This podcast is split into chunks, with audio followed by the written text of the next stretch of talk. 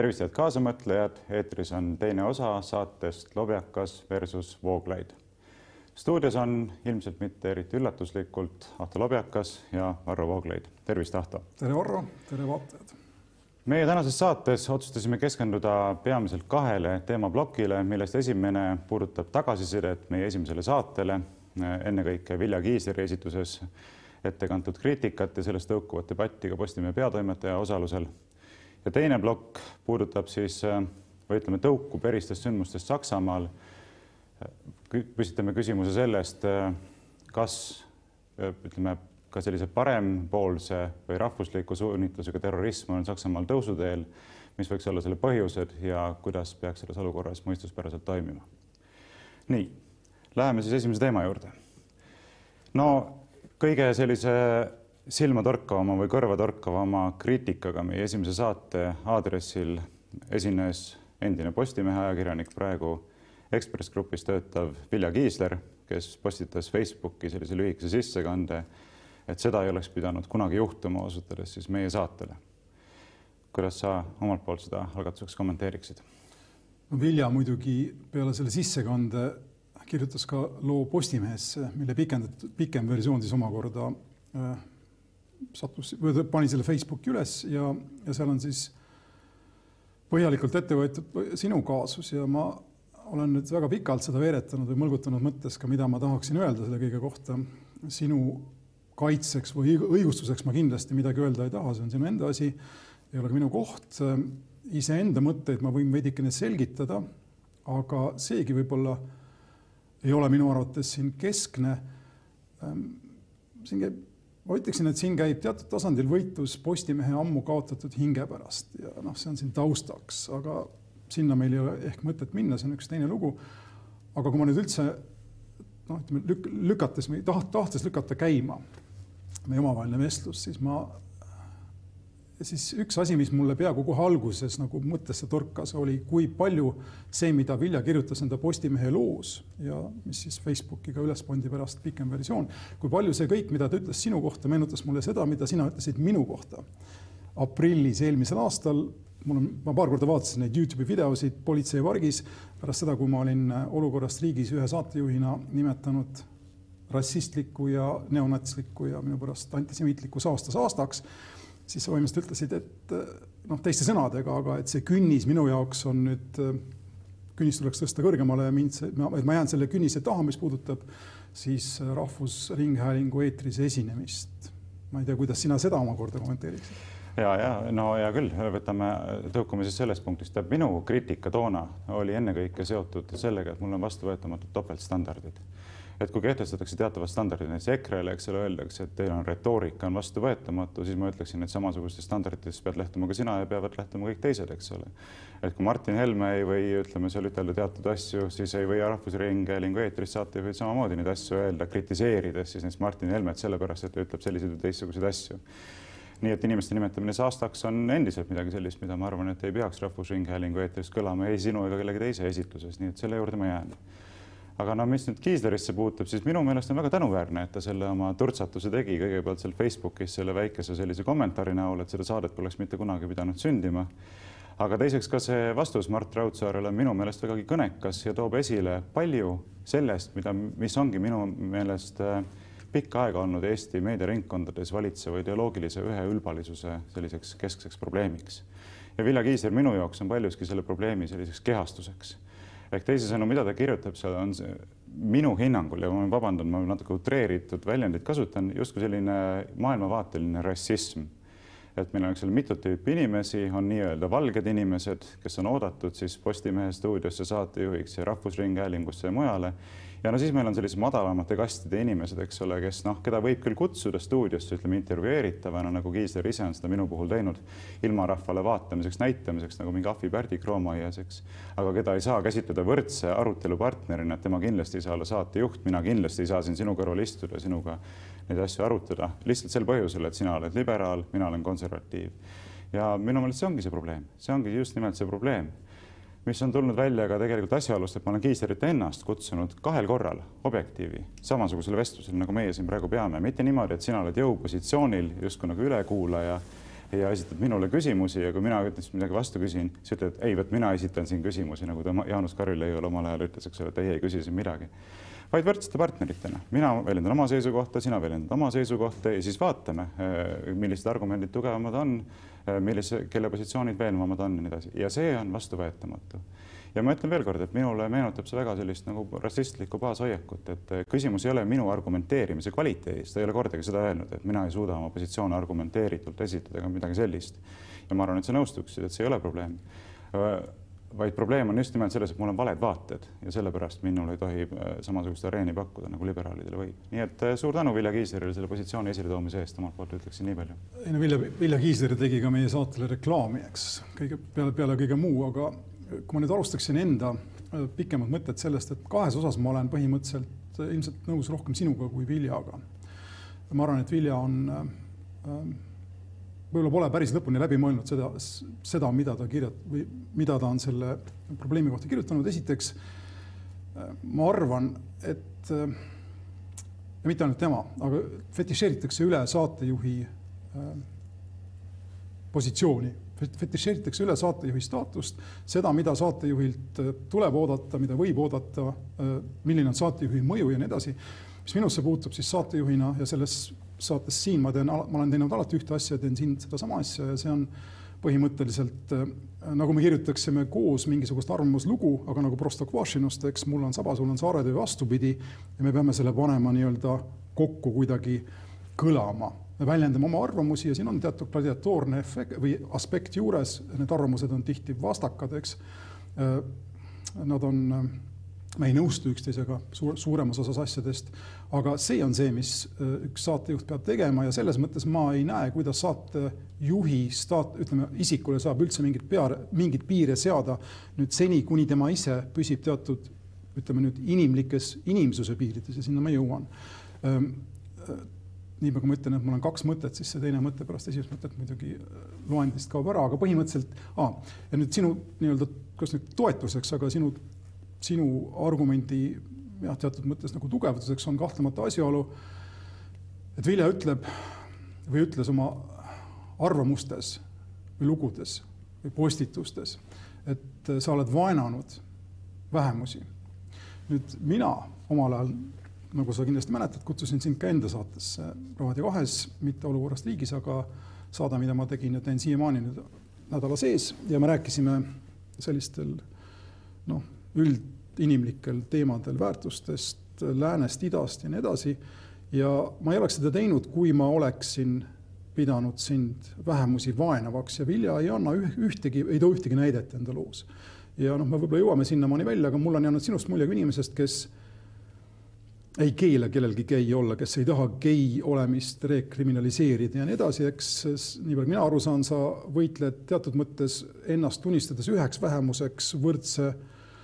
õiguse eest äh, avalikule tähelepanule, avalikule rahale ja nii edasi ja isegi kui mina olen noh, ütleme nõus selle gei argumendiga ja mitte sinu argumendiga, ma ei näe, et ma saaksin, et sinu argumenti oleks võimalik liberaalselt positsioonilt ümber lükata, seni kuni sa teatud piiridesse. ma tulen nüüd enda veidi pika jutuga selle kolmanda punkti juurde ja see on kõige huvitavam kindlasti meile. ja see punkt puudutab seda, kus on need piirid, mida tohib üldse avalikkus või mida peab ava, avalikus ruumis ma läheksin kaugemale saadetest ja ajakirjandusest ja nii edasi, mida tuleb avalikus ruumis eh, jälgida ja, ja see on debatt, mis Eestis on tegelikult pidamata suuresti eh, ka, kui nüüd aus olla ja enesekriitiline veidikene liberaalide ülbuse ja teatud mõttes ka silmakirjalikkuse pärast, sest et inimesed, kes sind eh, kritiseerivad ja Villat toetavad, ma ei näe neid tihti noh, ma ei näe, ma ei näinud neid pead tõstmas või häält tõstmas siis, kui Postimees hakkas avaldama siin paari aasta eest ja see oli päris ammu juba artikleid arv, arvamuskülgedel, mis ilmselgelt väljendasid mingisugust bioloogilist rassistlikku hoia, hoiakut, minu jaoks täiesti vastuvõetamatu, tekitas must tõrke reaktsiooniga, mis parata, eks, aga see juhtus ammu ja keegi neist inimestest ma ei näinud, et oleks tõstnud siis nagu avalikult kisa. Või ütleme noh, võttes nüüd teise näite, mis ei ole Eestis populaarne, aga vähemused, rahvusvähemused, kes mul, rahvusvähemus, venelased, kes mulle lähevad korda, mitte emotsionaalselt tingimata, aga, aga meie riigi probleeme vaatan, eks paljud, paljud nendest inimestest, kes on äh, Viljaga nõus, kahel käel ja sinu suhtes kriitilised, ei pea, pole pidanud paljuks äh, nautida selle riigi ja selle riigi aukandjate pakutud hüvesid, mis sest, et meil on selline peaaegu et apartheidilaadne situatsioon siin riigis, mis ühele liberaalile peaks ka vastuvõetamatu olema no alustame lõpust, et ma aparteidi argumendiga kindlasti ei nõustu, et minu meelest Eestis ei ole mingit aparteidilaadset situatsiooni, et kõikidel inimestel on tagatud elementaarsed põhiseaduslikud õigused. See kodakondsuspoliitika on selline, nagu ta on, see on täiesti legitiimne, paljudes teistes riikides on ta samasugune, eks, tahad kodanikuks saada, õpi ära keel ja nii edasi, nii et sellega ma ei ole kindlasti nõus, aga see ei ole praegu meil põhiteema ju, me arutame seda teinekord aga mis Vilja Kiislerisse veel puutub, siis mina ütleksin täitsa nii, et noh, ma ei tea, täitsa pöörduksin kohe Vilja Kiisleri poole, et ärge kartke eriarvamuste arutamist äh, võrdsetel alustel oma vestluspartneritega. Teie olete istunud aastaid sellisel turvapositsioonil, kus teie olete ülekuulaja ja teie vestluskaaslane on see ülekuulatav. Teie esitate küsimusi, ise ei vasta ühelegi küsimusele teatud mõttes minule vaatab siit vastu selline inimlik hirm eriarvamuste arutamise eest, et selles mõttes minu tunnustus sulle, Ahto, et äh, sinul seda hirmu ei ole. Istume maha, räägime asjadest rahulikult, arutame neid asju. Vilja Kiisleril paraku sellist julgust pole siiamaani olnud ja ma arvan, et see on osaliselt ka see põhjus, miks ta omaenda hirmu maskeerib sellise kriitikaga minu aadressil. Äh, sest äh, see ei ole kindlasti ainult Vilja Kiisleri probleem, me oleme seda näinud laiemalt ja see on üks asi, mis minul on näiteks meediaringkondade puhul alati ebameeldiv tundunud, kui ajakirjanik, eks ole, ühelt poolt ütleb, mina olen intervjueerija, justkui nagu neutraalne subjekt, äh, tegutseb jõupositsioonilt oma vestluskaaslase suhtes, aga samal ajal ise hakkab debateerima, eks ole, hakkab vastu vaidlema, hakkab kritiseerima või ütleme, mitte lihtsalt niimoodi mõistliku intervjuu piires, vaid nagu juba jõuliselt oponeerima, eks. siis tekib nüüd küsimus, et aga see ei ole ju võrdsetel alustel debati pidamine. ühelt poolt sa tahad, eks ole, olla ideoloogiline oponent, teiselt poolt sa ei taha ennast panna oma oponendiga võrdsesse positsiooni, mis on, eks ole, igasuguse väitluse elementaarne eeldus, et positsioonid on võrdsed. mitte nii, et üks on jõuposil ja teine on te positsioonil ja teine on kaitsepositsioonil. nii et see on esimene asi, mida ma ütleksin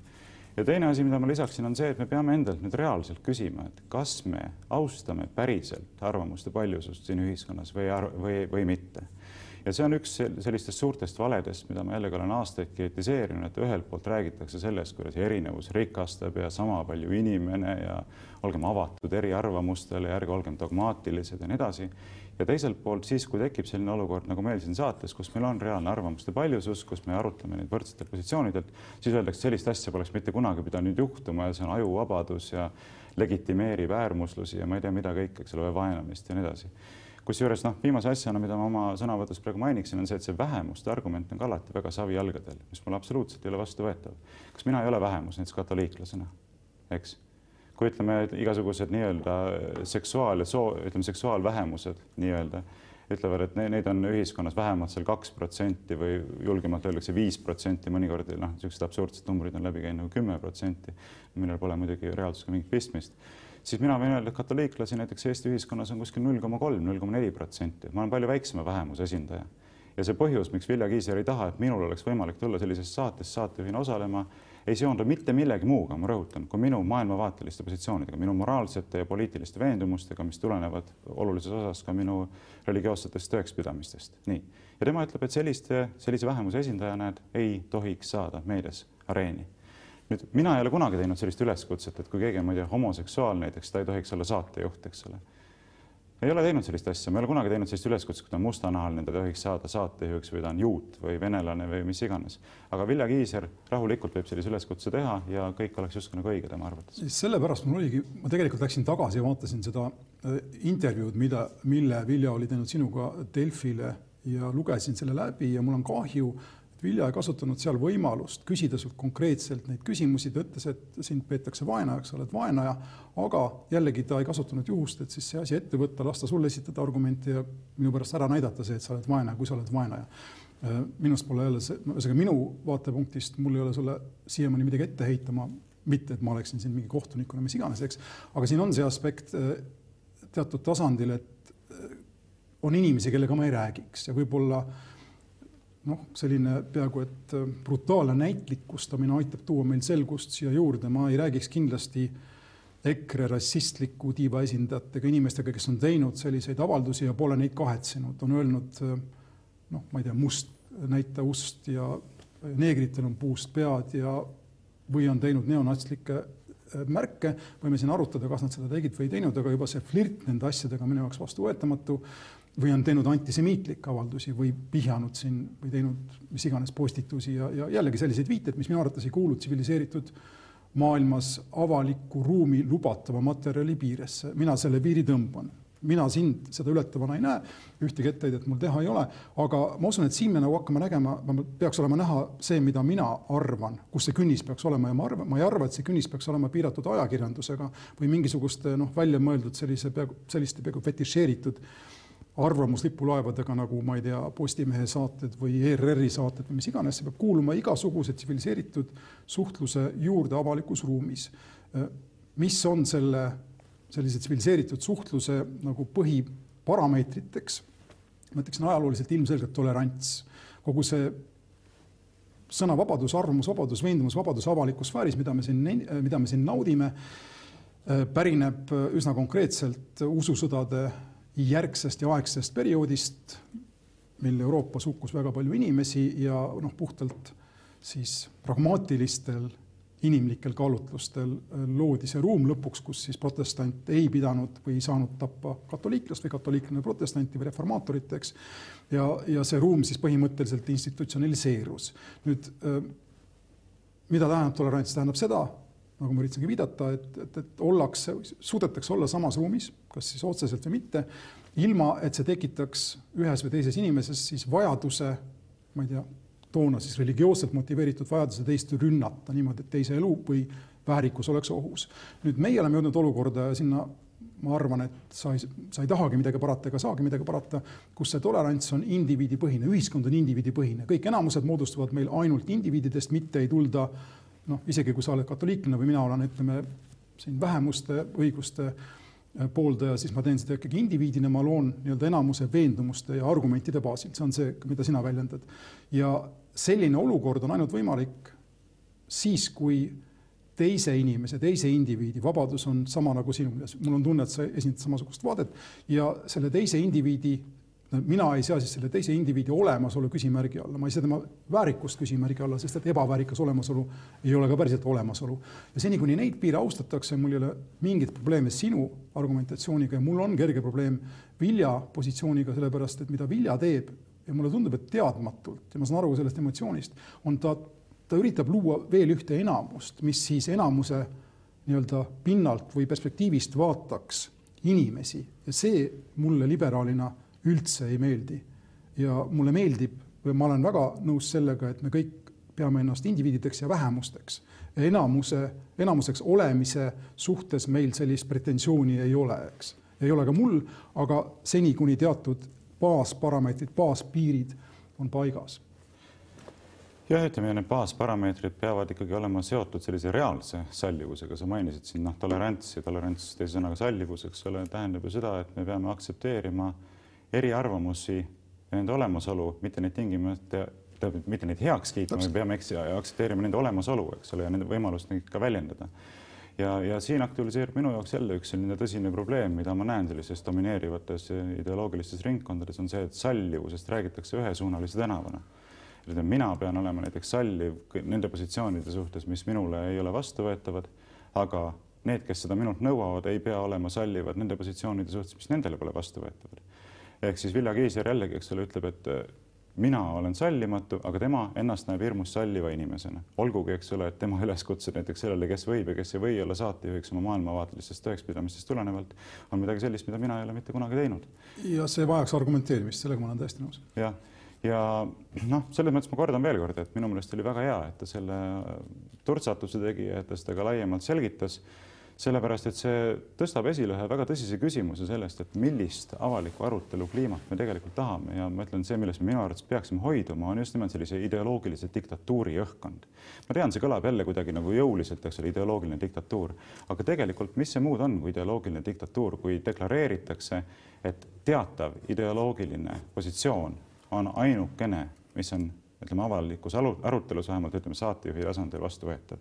kes ei ole liberaal, kes ei kiida heaks liberaali, liberaalide jaoks selliseid dogmaatilisi positsioone, see põhimõtteliselt ei tohiks üheski suures väljaandes eetris oleva saatejuhtide hulka kuuluda. kõik. sellega ma ei vaidle, aga ma tahaksin nüüd tuua sisse ühe konkreetsema küsimuse, mida ma vaatasin siin sattus ette mulle selles järellainetuses sinu enda kolleeg Objektiivist Markus Järvi mm, -hmm. keda ei saa muidugi süüdistada koos sinuga ka mingisuguse ideoloogilise diktatuuri kehtestamises, sest et Objektiiv on suhteliselt niisugune niši väljaanne. me ei ole selles positsioonis, kus me saame seda teha. jah, aga mida ma tahan küsida, on see, kui sa nimetad Vilja kirjutis turtsatuseks, siis tuleb selline alatoon sisse, mida ma arvan, et tsiviliseeritud suhtluses ei peaks olema äh, sellises noh ütleme, arvamises üksteise kohta, kui ma loen Markus Järvi kommentaari sellele, siis seal oli päris selgelt selline osatav, pilkav toon kandev ja noh, ma veidikene luban endale siin võib-olla frivoolsust, aga kui ma saan aru näiteks Viljale antud intervjuus Delfis, sa ütlesid keiks oleku kohta, et sa usud, sinu usk ütleb, et see on hinge pääsmise äraandmine või sellest loobumine, eks, kuritegu nii-öelda Jumala ees, siis neid patte on ju kristlikus ilmutusreligioonis rohkem kui üks ja muuhulgas selline ülbus või noh, vagaduse puudumine on ka üsna tõsiselt taunitav ja mu küsimus on, miks ma ei näe kasvõi siis kristlastena, kui mitte päris noh, ütleme nüüd liberaalsete ühiskonnaliikmetena ka objektiiv, objektiivi esindajatelt seda, seda teise põse pööramist mõnikord, milleks selline vilja osatamine sellises toonis, kuidas see kellelegi noh, mingisugust kasu saab tuua, kui me räägime siin tsiviliseeritud debati, tsiviliseeritud debatist ja ja kui mitte üksteise mõistmise, mõistmisest, siis vähemalt võimest üksteist tolereerida. noh, ma ei hakka Markuse eest rääkima, loomulikult tema räägib iseenda eest, aga ma arvan, selline mõõdukas äh, huumorivõtmes nende teemade käsitlemine ei ole kindlasti kuidagi kristliku vaimuga vastuolus, vähemalt kindlasti mitte katoliikliku vaimuga, et ega mingisugused, ütleme, puritaanid selles mõttes kindlasti ei ole aga noh, mis puutub sellesse huumorisse või no nalja heitmisesse, siis noh, jällegi, et siin tuleks nüüd nagu rakendada sarnaseid standardeid, eks ole, kui sa vaatad nagu mida, millisel moel nagu minu suhtes näiteks Rahvusringhäälingus on igasugused huumorid tehtud ja nii edasi. no siis see selline õeluse aste on ikkagi nagu mõõtmatult sügavam. eks ole, kus mind kujutatakse mingi latentse perverdi ja ma ei tea, mille muuna, eks ole, et mina nagu, ega Markus seda kindlasti Vilja Kiisleri suhtes teinud ei ole nii et äh, ma arvan, et jällegi, et siin peaks nagu rakendama ühtesid ja samasid standardeid, mitte nii, et kristlastele ütled, et noh, et olge nüüd pöörake teine põsk ette ja olge hästi vagad, eks ole, samal ajal ise nagu nõustud nende mõnitamisega nagu mõõtmatult hullemalt. nii et äh, seda ma kindlasti toonitaksin selle juures. aga nüüd teine asi, mida sa esile tõstsid, äh, ütleme selle, just nimelt selle käsitlusviisi puhul on see, et ma ei näe ka sellist, ütleme ütleme, ma võiksin vastata sellega, eks ole, et sa ütled, et kristlased võiksid käituda siis kristlikumalt. noh, ma ütlen, ma teatud mõttes kuidagi kordan ennast, et need, kes jutustavad sallivust, võiksid käituda sallivamalt, eks. et, et kui sa tegelikult väidad olevat ennast nagu tohutu sallivuse eestkõneleja, siis ole ka reaalselt salliv. ja ma ütlen mitte sellisel tasandil salliv, nagu ma ütlesin ennem, et selline nagu ütleme, nagu mina Vilja Kiisleri saates, ütleme selle tema viimase kommentaari taustal olin ilmselt nagu sellise ahvipärdikuna, eks ole, tuuakse ilmarahvale nagu vaatamiseks vaadake, millised inimesed on ka olemas, eks ole, et oleme suuremeelsed ja toome nad siia ja näitame ja nii edasi, eks ole, natuke nagu lõa otsas niimoodi tood korraks saali ja siis viid välja, eks ole. aga vaid olla salliv nagu võrdne võrdse suhtes, jah, ongi olemas erinevate vaadetega inimesi, jah, nad ongi fundamentaalselt teistsuguste seisukohtadega kui sina. Ja tegelikult nüüd küsimus ei ole enam Vilja Kiisleris, vaid meie ühiskonnas laiemalt, et tegelikult tulebki hakata aktsepteerima seda, et kogu ühiskond ei pea tantsima ühe kitsa ideoloogilise positsiooni pilli järgi, sellise vasakpoolse liberaalse äh, programmi järgi, vaid ongi erinevad arvamused. Ongi erinevad arvamused ja, ja ma tean, me saate teises pooles räägime siin osaliselt ka vihakõne keelust ja asjadest, mis seonduvad, ütleme nii-öelda äärmusluse ärahoidmisega, siis ma arvan, et tegelikult see pigem sünnitab sellist äärmuslust, sünnitab vihkamist, sünnitab vägivalda, kui hakatakse keelama isegi argumenteeritult, rahumeelselt ja soliidselt teistsuguse positsiooni väljakäimist võrdväärsetel alustel. see on argument, millega mina leppida ei saa ja ma usun, kui sa lähed tagasi enda, endagi usu ajaloos, siis äh, kui asjad olid selgemad ja karmimad, siis selline pragmaatiline sotsioloogiline argument, äh, noh, tal polnud mingit efekti, et kui me käitume neofüütide või usku, ütleme usud, usust taganejatega natukene lahkemalt ja hellemalt, et siis järsku neid tekib vähem, eks nad kõik mõisteti hukka nagu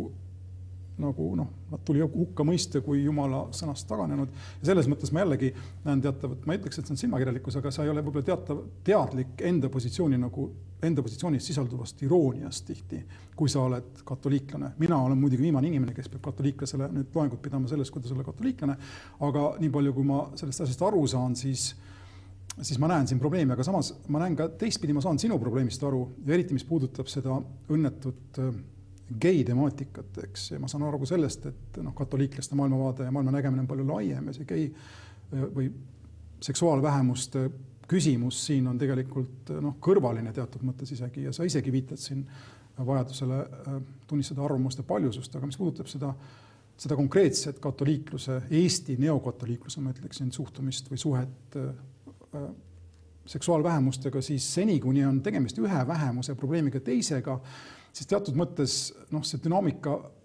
võikski olla rohkem nagu keskendunud sellele konkreetsele suhtele ning mitte tingimata üle saada pillatud või üle ääre aetud nagu kogu sellesse liberaalsesse problemaatikasse, sest et peale geide ja ma toetan, mina toetan sada protsenti gei inimeste võrdsust äh,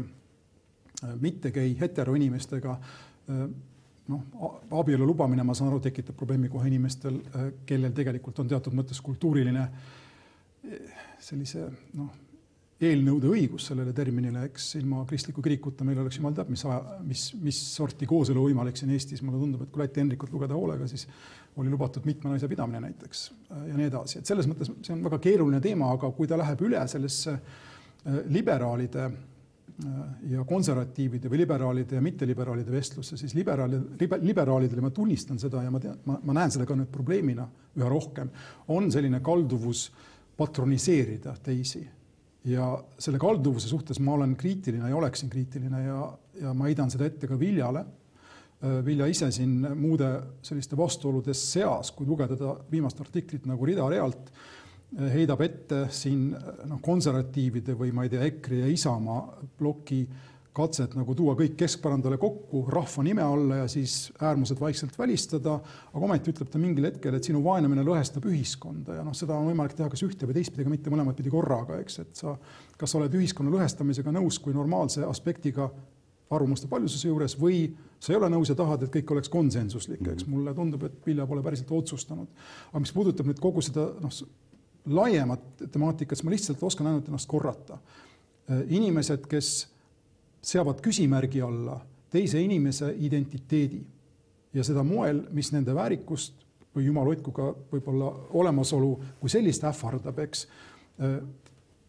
tuleks vähemalt avalikust ruumist kuidagi äh, eemaldada või neile mingi sanktsioon rakendada, me jõuame ilmselt selle teema juurde tagasi, see on vihakõne, vaenukõne ja nii edasi, siin ma olen ka selgelt nende inimeste poolt, kes sooviksid Eestis sellesama vaenukõne printsiibi äh, selgemat sedastamist seaduses ja ka sellist sedastamist, mis ei nõua alati puust ja punaseks tõestamist, et tegemist oli ähvardusega minu elu vastu, eks, või, või tervise vastu. no selle printsiibi kehtestamisele mina seisan jälle kuni lõpuni vastu, aga selle juurde me tuleme ilmselt tagasi. et äh, liigume edasi praegu teise teema juurde, kuigi nii mõndagi oleks siin veel öelda. Mm, aga ilmselgelt kõike ei jõua korraga kommenteerida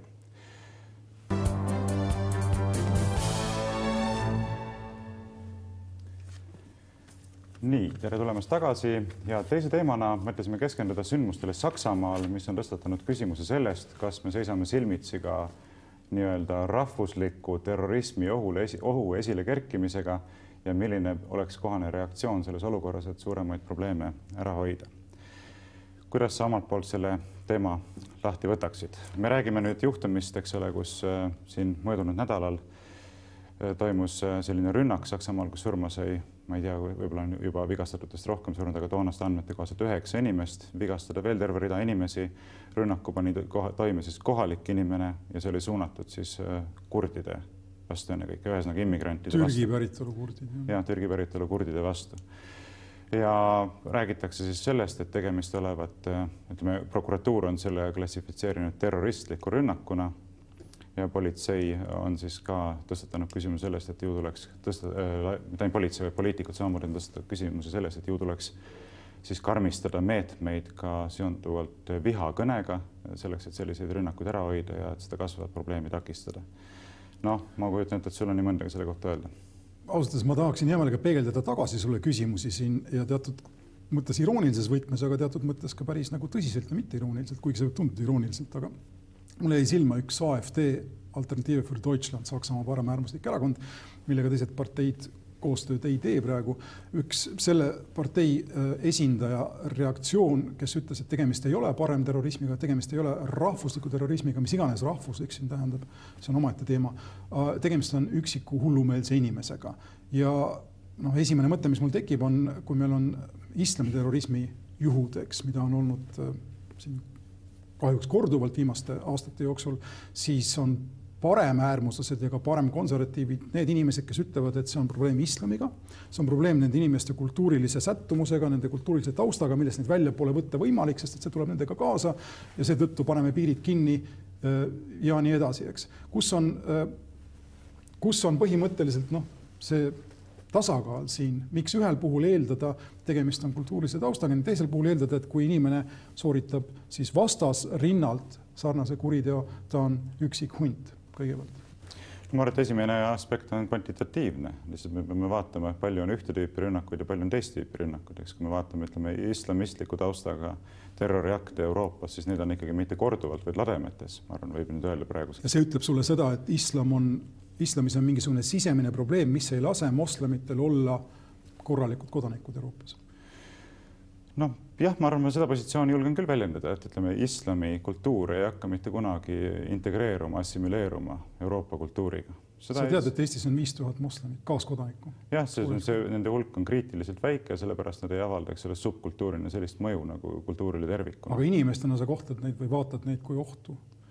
Mitte üksikute inimestena, aga ma räägin, see kultuuriline probleem on kahtlemata olemas, ma arvan, et mitte kunagi seda ei juhtu, et see ütleme, selline massiline, ütleme, võib-olla siin peab natuke diferentseerima, üks on see, ütleme, ajalooline, mingi loomulik äh, immigratsioon, mis kasvab vaikselt samm-sammu haaval, eks ole, integreerub samm-sammu haaval, siin võib olla üks dünaamika. aga kui me räägime massiimmigratsioonist, kus tuuakse terve noh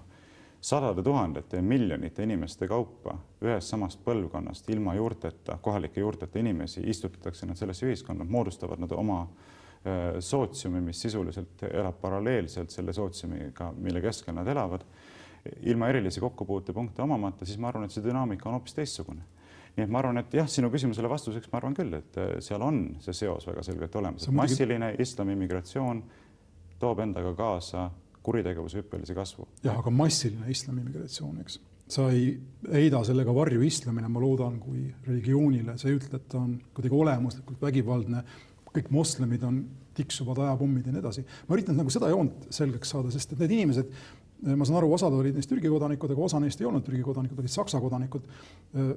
Mulle näib väga ohtlikult lähedal siin see piir, kus sa ütleksid, et inimene on Saksa kodanik, aga tal pole sama õigusi nagu sakslasel Äh, minu pärast, mis, mis, mis, mis iganes on jälle etniline sakslane, eks. no kui ta on Saksamaa kodanik, siis tal on saksalastega võrdsed poliitilised õigused, see on selge. aga üks on nagu poliitilised õigused, põhiseaduslikud õigused, aga teine on, ütleme, teatavad moraalsed õigused, ütleme, toimida selle ühiskonna subjektina, kui ma näiteks olen, ütleme, esimest põlvkonda immigrant omandan kohaliku riigi kodakondsuse ja siis hakkan nõudma, et ühiskond näiteks kujundatakse ümber nii ja naa ja kolmandat moodi, siis ma arvan, et sa oled ületanud oma moraalsete õiguste piire. aga kuidas need Türgi päritolu kurdid nõudsid ühiskonna? ma ei ole nende kohta midagi öelnud praegu. kes on üldiselt nõud-, kust sa võtad selle nagu ohutunnetuse üldse, et ühiskonda korraldatakse ümber, välja arvatud see, et siin ja seal on inimesed ujunud mingisuguste burkiinidega ja no lihtsalt nagu näevad teistmoodi välja. ma ei saa aru, kust tuleb see mõte üldse, et meil on miljoneid inimesi, kes nõuab ühiskonna, kes nõuavad ühiskonnakorralduse ümberkorraldamist Saksamaal näiteks või Suurbritannias või ma olen elanud mõnes kohas Belgias näiteks, kus on olnud aastakümneid väga suur sisseränne islamiriikidest ja probleem mõrvarlik probleem tekkis pärast aastat kaks tuhat viisteist. samamoodi võiks argument, võiksin mina panna argumendi püsti, et islamiterrorism tekkis pärast seda, kui muuhulgas ka Eesti toetusel mindi üheksakümnendate aastate, äh, kahe tuhandete aasta alguses tegelikult, eks Iraaki ja Afganistani ja tehti, tehti seal sõjatander, mis hakkas radikaliseerima siis sealseid inimesi, sest et nende elu, rahulik elu, no ühes või teises, teisel moel oli nagunii kadunud, aga lääneriike oli võimalik selles süüdistada, eks mm. -hmm. see on ju väga keeru-, väga palju keerulisem asi. Ja noh, ma loodan, et me ei jõua siin selleni välja, et, et saksa sugu saksa kodanikel on suurem õigus Saksamaal asju otsustada kui mitte saksa sugu saksa kodanikel no kuidas öelda, see on laiem temaatika, me tegelikult võiksime terve saate selle teema käsitlemiseks no, võtta. meil on, tuleb, tuleb võimalusi. aga ütleme taustast alustades, ütleme, on see, et minu jaoks on väga oluline isamaa ja kodumaa printsiibid ma ei taha nüüd liiga laiali valguda, aga põhimõtteliselt filosoofilises plaanis see on minu jaoks oluline patriootistlik positsioon. et äh, see on olnud äh, minu isade maa, see on olnud nende isade maa, nende isade maa ja mina olen selle maa pärija, ütleme, olles siin oma suguvõsaga elanud aastasadu, eks ole. ütleme, Eestis on see tunnetus võib-olla isegi natuke kaotsi läinud selle nõukogude aja kultuurikatkestuse kõige sellega. Aga põhimõtteliselt ütleme, vanemates traditsioonilistes ühiskondades on see väga selge, mina olen selle maa pärija, ma olen selle maa peremees selle riigi kodanik, kodanikuna ja, ja nüüd sellele vastandub selline puhas konstitutsiooniline perspektiiv, mis lahutab selle igasugusest kultuurilisest, traditsioonilisest, religioossest, rahvuslikust identiteedist ja ütleb, et kes on saanud selle riigi kodakondsuse, see on absoluutselt igas mõttes kõigi teistega võrdne. jah, ma pean sinuga nõustuma, loomulikult õiguslikus mõttes, konstitutsiooniliste õiguste mõttes ta ongi võrdne, tal on ka üks hääl valimistel ja nii edasi. Aga ütleme, kui me vaatame laiemat kultuurilist, rahvuslikku, moraalset sellist paradigmat, siis ma arvan, et me ei saa rääkida täielikust võrdsusest, siis sa pead kasvama selle ühiskonna ühiskonna osaks ja see saab toimuda mitte niimoodi üleöö, sulle anti mingi tunnistus, vaid see saab toimuda läbi äh, põlvkondade pikkuse kasvamine selle ühiskonna sisse, eks ole, et sina samamoodi panustad sellesse ühiskonda, sa lood hüvesid, sa, eks ole, rajad oma ütleme, suguvõsa selles riigis, mis integreerub sügavamal tasandil sellega, mitte ainult individuaalsel, momentaalsel tasandil ja siis me saame rääkida, ütleme sellest, et sa oled võrdväärne selle ühiskonna liige. minu meelest selles ei ole mitte midagi rassistlikku ega diskrimineerivat, et me peame aru saama, et ütleme, et ainult konstitutsioonilised õigused ei ole see, mis paneb kõik selle paika. ja, ja noh, vastuseks sinu küsimusele, kus ma näen seda, et nõutakse ühiskonna ümberkorraldamist, näeme seda ulatuslikult. eks kuidas Inglismaal näiteks on ju väga laialdane probleem sellega, et teatud märkimisväärne osa, ütleme, islami immigrantidest ütleb, et meie lähtume oma sotsiaalse elu korraldamisel šaria seadusest, me ei lähtu Inglismaal kehtivatest seadustest. me mõistame ise kohut, eks ole, oma inimeste üle ja me ei taha, et ütleme, ilmalikud õiguskaitseorganid sekkuksid meie omavahelistesse asjaajamistesse ja nii edasi, et minu meelest see on väga selgelt ühiskonna ümberkorraldamise ambitsioonist kantud äh, selline äh, muster. ma isegi ei tea, kust alustada, see sotsioloogilise ajalooline nagu noh, konkreetsus teeb selle debati väga keeruliseks, sest et näiteid võib pilduda siin ühelt poolt ja teiselt poolt ja lõpuks ongi meil siin hunnik näiteid siin laua peal ja ega me kaugemale ei jõua, aga kui sorry, ma lihtsalt ei suuda vastu panna kiusatusele äh, vastata sulle selle Inglismaa ja šariaadi osas, äh, noh, võtta Eesti selline keskmine pere või äh, suhte suhteseis, eks vägivald on meil suhteliselt endeemiline, kolmandik naistest on kannatanud või isegi rohkem. Ma näen väga palju argumente, eriti just paremalt ja millegipärast ka paremalt tiivalt ja ka noh, meeste poolt esitatuna, mis ütlevad, et see, mis peres sünnib, on pere asi ja see, mis väljaspool on, on, on seaduse asi, meil on ka omaette väike šariaat siin et juhtub olema Eesti šariaat, eks. ma ei näe, et konservatiiv ja selline asi nagu paneks morjendama, olgu sa ütled, et see on siin meil noh, kombeks või tavaks ja siin on teatud, teatud selline mis ta on, patrimoonia side meil, eks selle pärituse ja isadelt pärimise side selle kultuuri ja minevikuga, ka suurem osa meie kultuurist on saksa, saksa päritolu. See... ma lihtsalt, sorry, ma tahan jõuda selle mõtteni praegu, kui sa räägid näiteks kasvõi keeltest, siis sinu nagu printsiibi kohaselt äh, ajal, ajaloos tagasi minnes ma küll jälle ei tea, kuhu sa selle piiri sead, kas see on tuhat aastat, sada aastat või kolm tuhat aastat, eks, kui sa võtad näiteks juudi kultuuri, see on kolm tuhat aastat Palestiina territoorium. meil ma ei kujuta ette, mida sa tahad selleks piiriks seada, aga kui sa sead piiriks kasvõi noh, ütleme meil nii-öelda kirju-, kirjutusliku ajaloo, üles kirjutatud ajaloo, siis selle vältel Tallinn on olnud saksa, alamsaksa keelne siis järelikult selle loogika kohaselt maakohad olgu eestikeelsed, aga Tallinn on ju noh, loogiliselt saksakeelne meil, eks. nojah, niimoodi me võime absurdi ajada selle no. asja, eks see on, see on tõsi, et loomulikult minnes teatud äh, piirist kaugemale on võimalik asjaga jõuda absurdi. aga noh, ütleme see on nii pikk teema, et ma ei tea, kuidas seda praegu raamistada sellisel viisil, et see oleks mõttekas nende mõne minuti jooksul, aga sa ometi oled ju sunnitud tunnistama seda, et massilise islami immigratsiooniga on kaasnenud massiline kuritegevus Euroopas. ka kuritegevuse kasv, võtame Rootsi, võtame Inglismaa, kõik need see on palju väiksem kui grooming gängid ja nii edasi. kui sinu mast inimesed ütlevad, muuseas näitab statistika, mina näen pidevalt viiteid sellele, et see tõus on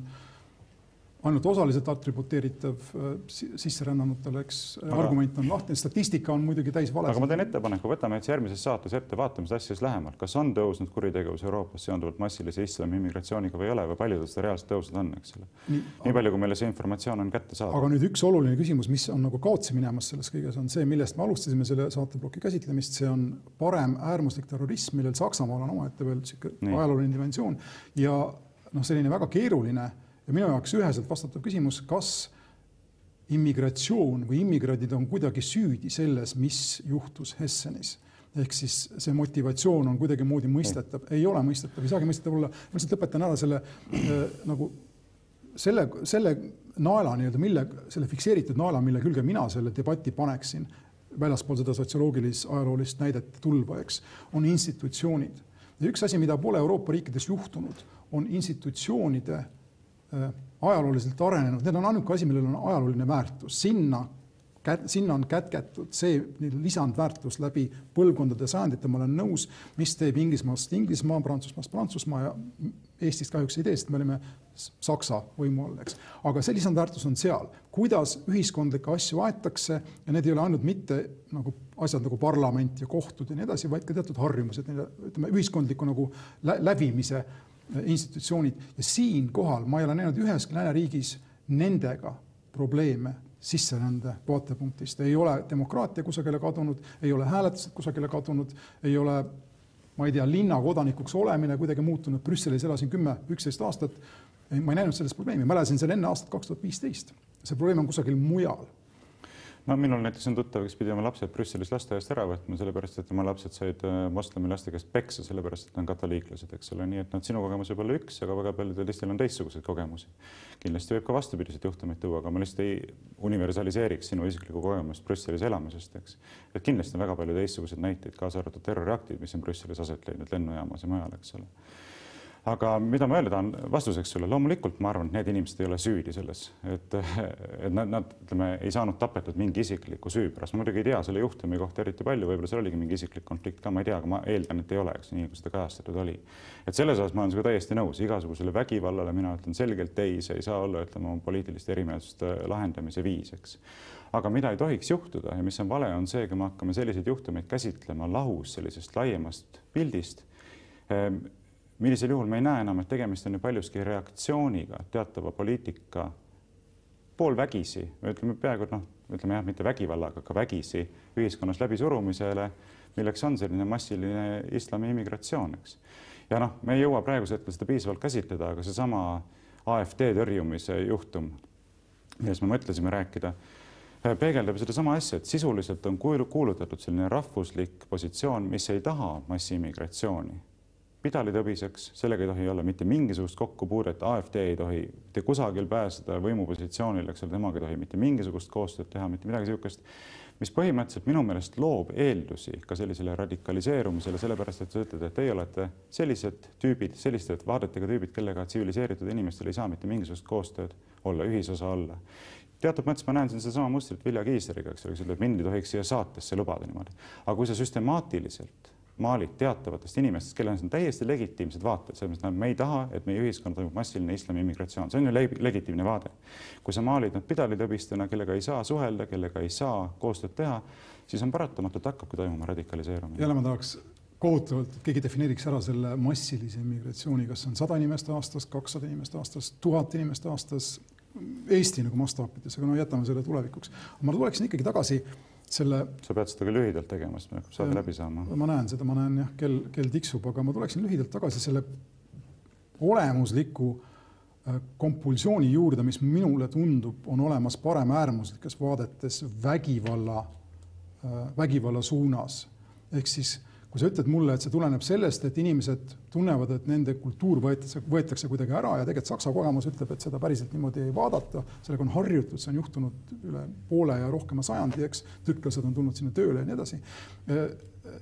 see on mulle, see näib mulle lihtsalt noh, kuidas öelda nüüd, plaastrina hoopis sügavamale probleemile ja see on samasugune probleem, mida omistatakse islamile aga ta on väga omane paremäärmuslusele ajalooliselt tõestatud Saksamaal eriti mingil hetkel see ideoloogia läheb välja relvastatud võimu võtmisele, relvastatud katsele